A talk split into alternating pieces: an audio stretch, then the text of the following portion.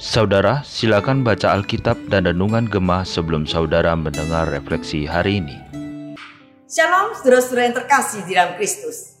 Di hari Sabtu yang ceria ini, mari masing-masing kita mempersiapkan hati kita untuk besok memasuki sebuah ibadah yang kudus, ibadah yang diperkenan kepada Tuhan. Hari ini kita akan merenungkan refleksi Gemah dengan sebuah tema, mempelajari, menghidupi, mengajarkan di dalam kitab Esra pasal yang ketujuh. Sebelum kita merenungkan akan kebenaran sabdanya, terlebih dulu kita berdoa. Kami bersyukur ya Tuhan, karena Engkau Allah yang selalu memberikan firman-Mu kepada setiap kami. Karuniakanlah kepada kami hati yang selalu rindu akan sabdamu. Hati yang terbuka terhadap teguran-teguran dan pembentukan Tuhan melalui kebenaran firman Allah. Karena firman-Mu itulah pelita bagi kaki kami dan terang bagi jalan kami. Di dalam nama Kristus kami berdoa. Amin. Saya akan membacakan kitab Esra pasalnya yang ketujuh ayat 6 sampai ayat yang ke-10. Demikian sabda Tuhan. Esra ini berangkat pulang dari Babel. Ia adalah seorang ahli kitab, makir dalam Taurat Musa yang diberikan Tuhan Allah Israel. Dan raja memberi dia segala yang diingininya oleh karena tangan Tuhan Allahnya melindungi dia juga berangkat pulang ke Yerusalem. Beberapa rombongan orang Israel dan imam, orang Lewi, penyanyi, penunggu pintu gerbang, dan budak di bait Allah pada tahun ketujuh zaman Raja Artasasta. Lalu tibalah ia di Yerusalem pada bulan kelima, yakni pada tahun ketujuh zaman Raja itu. Tepat pada tanggal satu bulan pertama, ia memulai perjalanannya pulang dari Babel dan tepat pada tanggal satu bulan kelima, ia tiba di Yerusalem. Oleh karena tangan murah Allahnya itu melindungi dia. Sebab Esra telah bertekad untuk meneliti Taurat Tuhan dan melakukannya serta mengajar ketetapan dan peraturan di antara orang Israel. Amin. Surat penyebutan nama Esra itu muncul pertama kali di pasal 7 yang telah kita baca. Dalam ayat 6 dituliskan bahwa Esra adalah seorang ahli kitab, seorang yang makir Taurat Musa, seorang yang punya hati untuk membangun kembali kerohanian umat Israel. Surah hal ini merupakan sesuatu yang langka terjadi pada masa pembuangan di sebuah negeri asing seperti itu.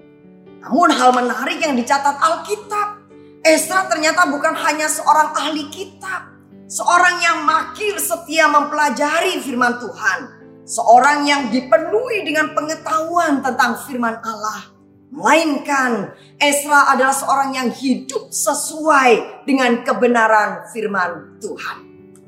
Pada pemerintahan Raja Persia, Raja Artasasta sangat berkenan kepada Esra. Sehingga ia memberikan segala yang diingini oleh Esra oleh karena tangan Tuhan Allahnya menyertai dia. Di dalam ayat 6b dicatat oleh karena Raja Artasasta berkenan kepada Esra. Maka selain Raja memberikan kekuasaan yang besar kepada dia. Ia juga memberikan berbagai barang berharga untuk keperluan daripada rumah Allah. Dan tetapi hal yang menarik saudara-saudara bahwa Esra bukan saja mendapatkan perkenanan daripada Raja Artasasta, tetapi lebih daripada itu, dia adalah seorang yang diperkenan oleh Tuhan Allahnya. Namun walaupun demikian, Esra tidak lantas berbangga diri karena dia menyadari bahwa semuanya itu terjadi karena pekerjaan Tuhan Allahnya.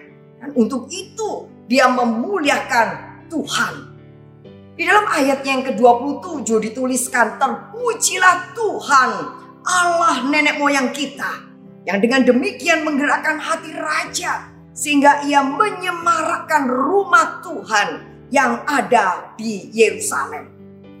Saudara rahasia yang membuat Esra menjadi seorang yang diperkenan Tuhan itu dicatat di dalam ayatnya yang ke-10 yaitu bahwa ia bertekad untuk meneliti Taurat Tuhan.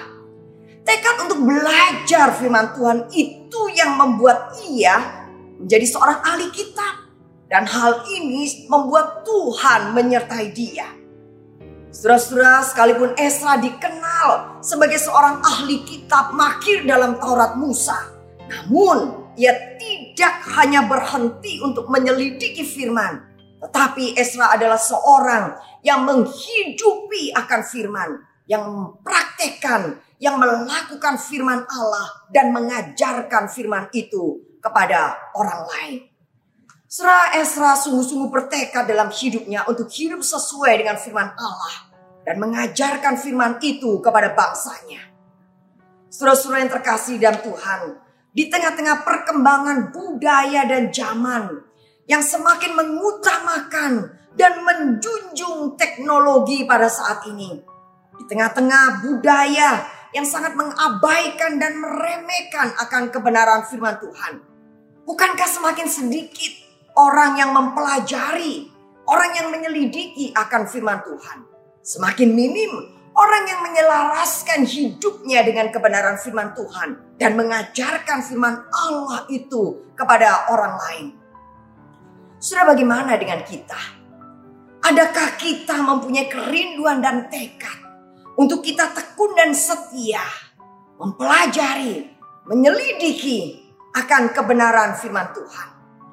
Saudara-saudara siapa pun kita, apa pun status dan kedudukan kita, entahkah kita sebagai anak atau orang tua, sebagai suami atau istri, sebagai anggota jemaat atau pengurus gereja yang dipanggil Tuhan untuk melayani akan gerejanya. Adakah saudara sudah punya rinduan, saudara sudah punya tekad untuk hidup sesuai dengan kebenaran firman Tuhan di zaman akhir yang semakin bobrok oleh karena dosa ini. Adakah saudara-saudara rindu dan bertekad untuk kita mengajarkan akan firman Allah kepada orang-orang di sekitar kita. Menghidupi akan firman Allah itu di dalam kehidupan kita hari lepas hari. Saudara biarlah renungan refleksi Gema pada hari ini menggairahkan dan menggerakkan setiap kita untuk menjadi orang-orang percaya yang mempelajari, menghidupi, dan mengajarkan firman Allah di dalam kehidupan kita yang sementara ini. Mari kita berdoa. Terima kasih untuk perenungan firman-Mu ya Tuhan. Biarlah setiap kami boleh memiliki kerinduan dan kesetiaan untuk senantiasa mencintai akan kebenaran sabdamu. Menjadi orang-orang yang setia membaca, dan belajar firman di tengah-tengah perkembangan zaman yang semakin mengabaikan dan meremehkan akan firman Allah. Teguhkan iman setiap umatmu. Dengarkan doa permohonan yang kami panjatkan dengan iman. Di dalam nama Tuhan kami Yesus Kristus kami berdoa. Amin. Selamat menapai hari-hari sebagai orang percaya yang setia untuk membaca, mempelajari, mempraktekkan dan mengajarkan firman. Tuhan memberkati.